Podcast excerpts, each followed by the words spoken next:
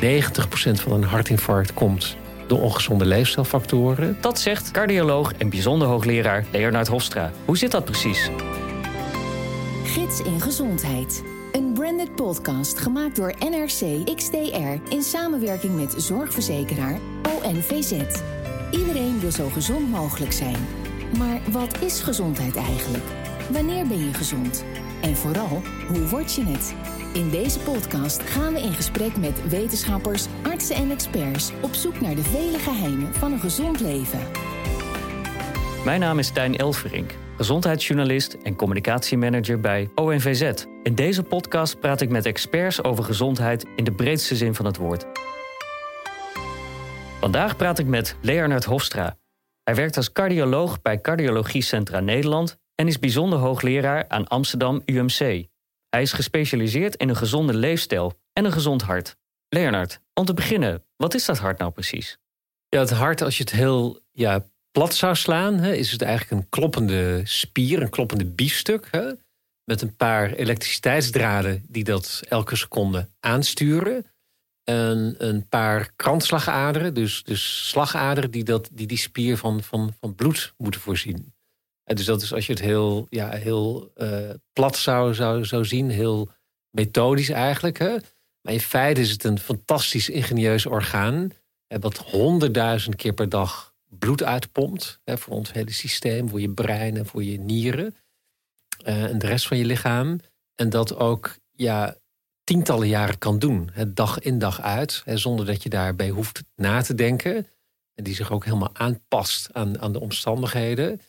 En dus in totaal gaat jouw hart ja, miljarden keren uh, contraheren, hè, dus samen, samentrekken. En zonder dat je daarbij hoeft na te denken. Dus een fantastisch ingenieus orgaan eigenlijk. En wat gebeurt er dan als dat hart niet helemaal gezond meer is?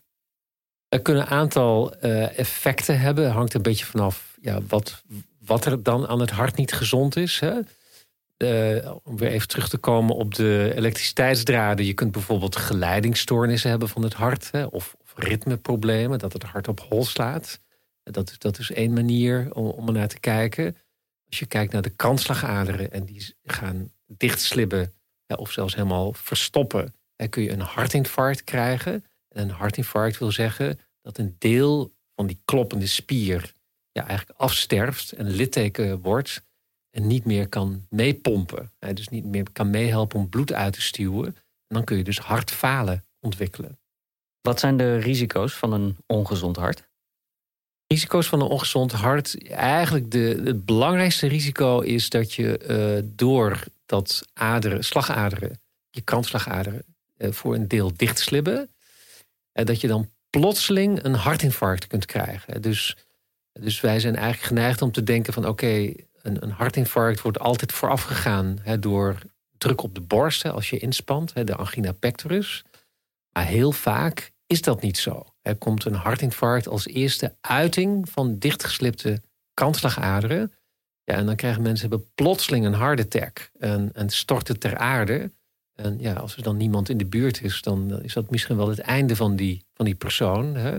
Gelukkig hebben we nu op heel veel plekken de AED hangen, hè, dus de defibrillator kunnen mensen weer, hij kan het hart weer aan de praat worden gebracht. En dat zijn dus plotselinge momenten. Eigenlijk is dat een zwarte zwaan concept, zou je het eigenlijk moeten zien. Eh, die ervoor zorgt dat, dat je helemaal niet zag aankomen en, en plotseling is het daar. Dus dat moment moeten we proberen te voorkomen. Hoe weet ik dan of mijn hart gezond is? Er zijn een aantal manieren om daar naar te kijken. Dus als je dat heel breed zou willen doen, hè, voor grote groepen mensen, dan zou je het liefst willen kijken naar ja, gewoon al de bekende risicofactoren, zoals een hoog cholesterol of een hoge bloeddruk, of je rookt of niet, of je diabetes hebt of niet, of je voldoende beweegt, of je familie belast is. Dat bepaalt eigenlijk al 90% van de kans op het krijgen van een hartinfarct. Dus die leefstijlfactoren zijn heel bepalend voor de kans of jij daar ooit ziek van wordt. En ehm, in feite geldt dat ook voor een beroerte. Dus er zijn twee enorm belangrijke studies gedaan in het verleden. De ene heet de Interheart-studie. Die liet zien dat 90% van een hartinfarct komt door ongezonde leefstijlfactoren. Daarna is de Interstroke-studie gepubliceerd, ook in de Lancet. Die heeft laten zien dat ook 90% van alle beroertes komen door ongezonde lifestyle. Dus het is niet zomaar ja, dat je pech had dat je dat kreeg. Hè? Maar je kunt, hebt heel veel invloed op die kans op het krijgen van, van deze twee ja, toch hele ingrijpende ziektes. Dus aanleg speelt een heel kleine rol. Aanleg speelt maar een heel klein, kleine rol eigenlijk. En is dat nog eens een keer bevestigd, is dat er onderzoek is gedaan naar stammen in de Amazone jungle. Eh, en daar heeft men eh, van die leden van die stammen heeft men eh, CT-scans gemaakt van het hart. En op zo'n CT-scan kun je zien of iemand aderverkalking heeft of niet. En ook de mate van aderverkalking, dus dichtslibbing van jouw kransslagaderen. Dan blijkt dus dat die stammen maar 10% van de ziektelast hebben die wij hebben in de westerse wereld. En dat is ook precies die 10% die overblijft hè, als je leefstijlfactoren wegneemt. Dus 90% van de kans op het krijgen van een hartinfarct is ongezonde lifestyle. Deze mensen leven perfect gezond. En dan blijft er dus nog 10% over aan, het ontwikkelen van aderverkalking. Ja. En dan is het natuurlijk interessant om te kijken hoe leven die mensen dan. Ja, die, het is eigenlijk super simpel. Die eten alles wat de natuur hun geeft. Hè. Die eten vruchten uit de boom, knollen uit de grond, bladen uit, uit de bomen die niet giftig zijn natuurlijk. En één keer per week eten ze hert of een jaguar hè, die, die, die gevangen is. En, that's it. Die doen 15.000 stappen per dag, hebben weinig stress, ehm, eh, hebben ook geen, uh, geen air pollution, dus geen luchtvervuiling. Dus die, die factoren zijn dus kennelijk heel bepalend voor het niet krijgen van een hartinfarct. Dus die, die omstandigheden waarin die stammen leven, dat is ook wel het Eldorado voor hart- en vaatziekten genoemd. Hè? Dus ja, dat is eigenlijk hoe je dat hier ook zou willen inrichten voor de mensen in de westerse wereld. Dus wij moeten eigenlijk die leefstijlfactoren moeten we, moeten we oppakken. Ja. Je zei, het hart is een kloppende spier. Als ik mijn spieren wil trainen, ga ik naar de sportschool. Hoe kan ik nou mijn hart trainen? De hart hoef je eigenlijk niet zozeer te trainen in de zin dat, je, dat, dat er meer kracht in dat hart moet komen. Hè? Want uh, bijvoorbeeld als je hoge bloeddruk hebt, dan moet het hart meer kracht gaan zetten. Maar we weten eigenlijk dat dat uiteindelijk niet zo heel goed is voor dat hart. Het hart doet het eigenlijk het beste met een lage bloeddruk. Maar je kunt je hart wel trainen. Dus als je veel sport, dan wordt het hart wel iets groter. Zodat het in één slag meer bloed naar buiten kan pompen. Dus een Tour de France renner heeft vaak een iets ruimer hart.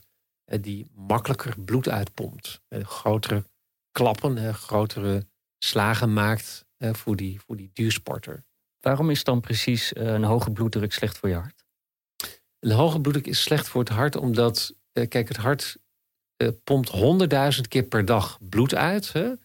En jouw hart ziet dan honderdduizend keer per dag die te hoge druk. Die, die voelt hij. Hè? Als de aortaklep open gaat, voelt het hart de druk die in de grote lichaamsslagader is. Dat is dezelfde druk die je ook meet aan de arm met, met de bloeddrukmeter. Stel die bloeddruk is 180 over 100. Hè, hm? Moet jouw linkerkamer moet 180 uh, eh, bloeddruk, millimeter kwik bloeddruk moet hij genereren.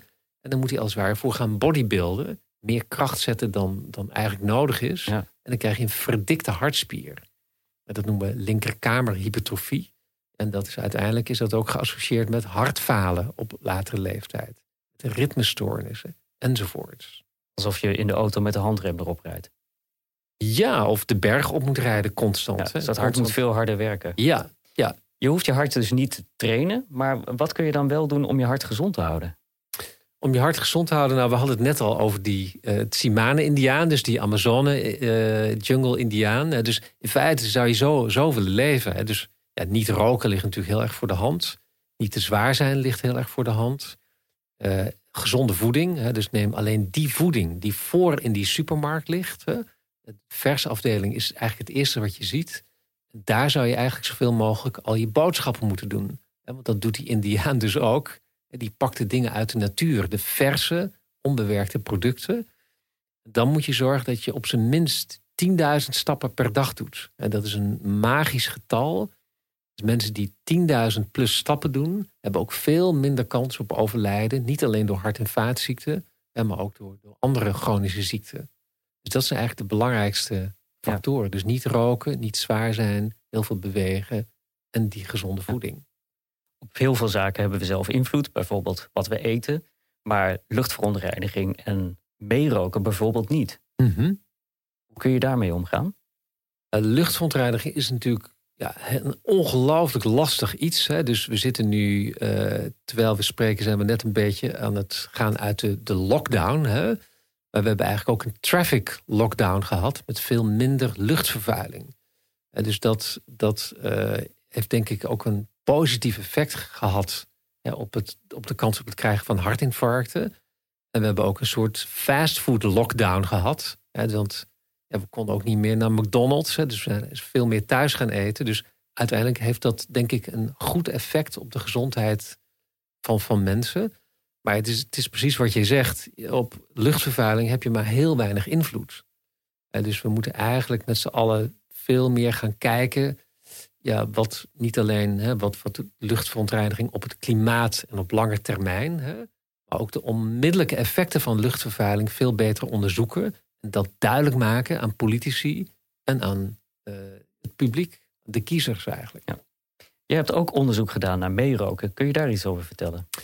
Ja, wat wij gedaan hebben is kijken uh, naar ja, wat, wat is nu het effect van meeroken. Hè? En um, kijk, dat is nu eigenlijk, hè, tot wij dat, uh, dat onderzoek gedaan hadden, een, een beetje abstract begrip. Hè? Dus meeroken is slecht. Hè? Dus, dus als een ander in jouw rook zit, heeft dat een negatief effect.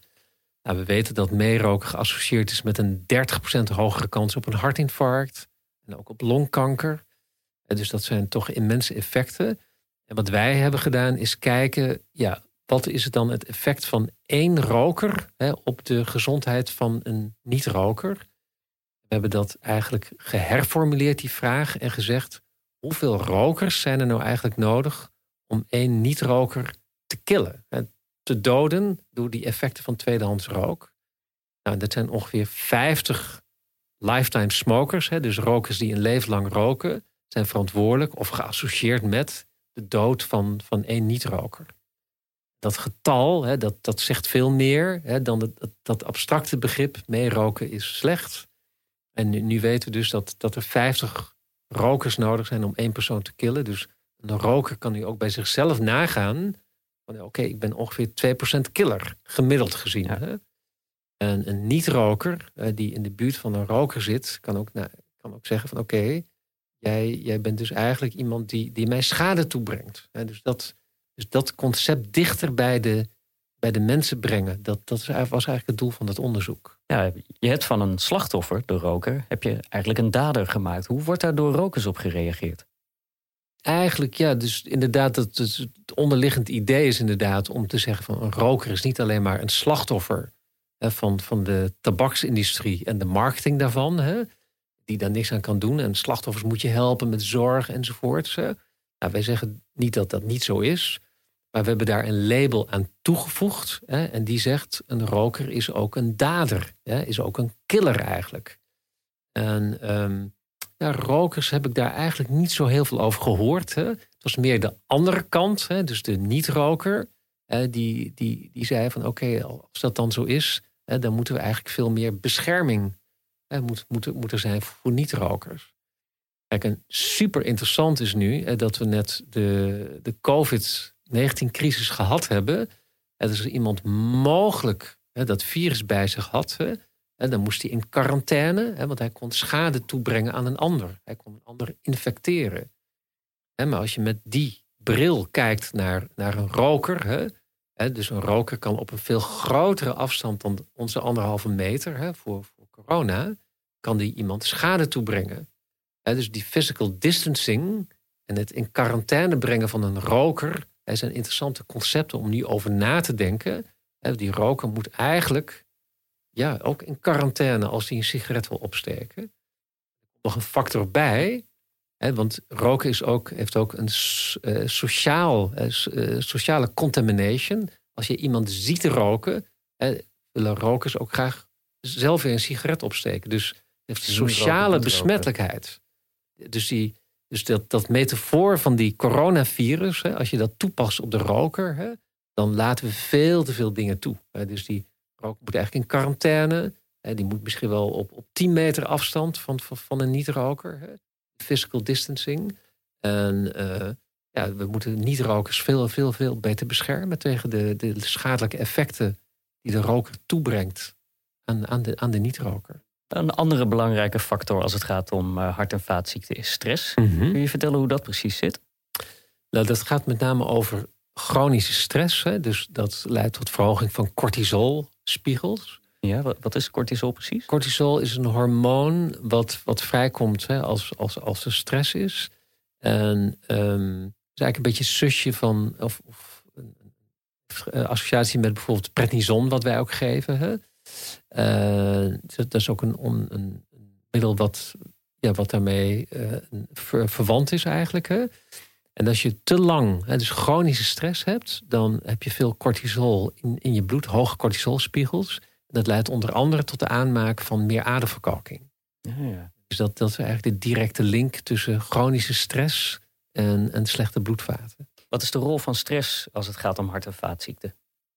En de rol van stress uh, is eigenlijk, kun je eigenlijk opknippen in twee uh, stukken. Hè? Uh, in de eerste plaats is zo dat chronische stress leidt tot verhoging van cortisolspiegels in het bloed. En dat is geassocieerd in, in research met een toename van de kans op het krijgen van aderverkalking. En dus in diermodellen met chronische stress krijgen die dieren veel sneller aderverkalking. Dus dichtslibbing van, van bloedvaten. Dat is één factor. Een tweede factor is, is dat je als je gestrest bent en je zit boven een bepaald punt van stress, boven het, laten we zeggen, breekpunt, hè, waarin je denkt van nu gaat het echt helemaal niet meer, laat je alle discipline vaak los. Dan beginnen mensen vaak weer te roken, uh, kunnen hun dieet niet volhouden, gaan niet meer sporten enzovoorts. En dus, ja, dus stress heeft enorme impact op, de, op de, het vast kunnen houden van gezonde leefstijl van mensen. Dus als de stresslevels te hoog worden, ja, houden we de, kunnen we dat niet vasthouden. Dus dat, dat concept van hè, dat, dat breekpunt, hè, dat, dat gaan we steeds meer zien, denk ik, in de, in de toekomst ook. Heeft slaap ook invloed? Slaap heeft zeker invloed. En dus korte slapers hebben een veel hogere kans op, op een hartinfarct. En um, ja, slaap is voor, voor ieder individu natuurlijk, natuurlijk anders. Hè? Er zijn ja, bekende korte slapers, bijvoorbeeld uh, Thatcher ja. sliep heel ja. kort. Uh, en dat, Churchill. Churchill ook. En, maar die deden dat ook om een kabinet constant voor te zijn. Hè? Dus de, de, de ministers constant voor te zijn in kennis en, en, en expertise. Maar bijvoorbeeld iemand als Einstein, die sliep, sliep heel lang. Hè? Is, een, is een, natuurlijk een totaal Tien genie, tien uur per dag. Ja. En dus het is individueel heel verschillend. Hè? Dus, en onderzoeken zijn allemaal gedaan op grote groepen mensen. Dus je kunt niet alles maar één op één vertalen op het individu. Maar ja, als je maar vijf of zes uur per nacht slaapt gemiddeld, heb je, heb je een veel hogere kans op een hartinfarct. Hoeveel uur slaap jij? Ik slaap tussen de zeven en de acht. Vind je dat genoeg? Ja, ik denk dat het wel genoeg is. Ja. Dus als ik je goed beluister, hebben we eigenlijk zelf de meeste invloed op het ontwikkelen van hart- en vaatziekten. Absoluut. Ja, dus uh, niet, niet de handen in de lucht gooien, zo van ik kan er niks aan doen. Hè? Je hebt zelf 90% van die kans heb je in eigen hand. Dus dat heb je ongelooflijk veel invloed op. En, niet alleen het hart, hè, maar ook de kans op het krijgen van diabetes, ouderdomsdiabetes, is ook 90% ongezonde lifestyle. En van beroerte exact hetzelfde. Kijk, wat, wat ik merk is dat mensen het hart geloven ze nog wel. Hè? Denken ze van, eh, dokter Hofstra die, die, die zorgt dan wel dat er een stenting komt hè, in, in die dichtgeslipte kransslagaderen. Maar een beroerte, daar zijn mensen als de dood voor eigenlijk. Hè? Wat, wat is dat precies, een beroerte? Beroerte is, is dat je een, een stolsel krijgt, on, zich ontwikkelt in, in een van jouw breinvaten. Heel, en dat, dat gaat ook super snel. Eigenlijk een beetje hetzelfde als, als zoals dat bij een hartinfarct gaat. Dan heb je een stolsel op een, een stukje dichtgeslipte kransslagader. En dat, dat ontstaat dus heel snel. Een stolsel kan heel snel ontstaan. Hè? En ja, een, een, een beroerte ja, ontstaat eigenlijk vaak op dezelfde, exact dezelfde manier. Het is een verstopping in de hersenen en dat vinden mensen enger. Ja, een plotseling verstopping. Dat vinden mensen erg enger, want kijk, als je een, een stent hebt in je kransslagader en, en het hart pompt nog redelijk, dan is dat van buiten ook niet te zien. Maar als jij je spraak verliest en niet meer goed kunt lopen en dingen niet meer goed kunt onthouden, dat is natuurlijk een schrikbeeld voor, voor heel veel mensen. Dus dat, dat heeft zo'n veel, zoveel negatieve impact. Ja, daar zijn mensen als de dood voor eigenlijk. Leonard Hofstra, cardioloog en bijzonder hoogleraar. Dankjewel. Heel graag gedaan. Wil je meer lezen over leefstijl en het hart? Kijk dan op gidsingezondheid.nl. Je luisterde naar Gids in Gezondheid. Een branded podcast gemaakt door NRC XTR in samenwerking met zorgverzekeraar ONVZ. Kijk voor meer verhalen over gezondheid en voor onze verzekeringen op onvz.nl.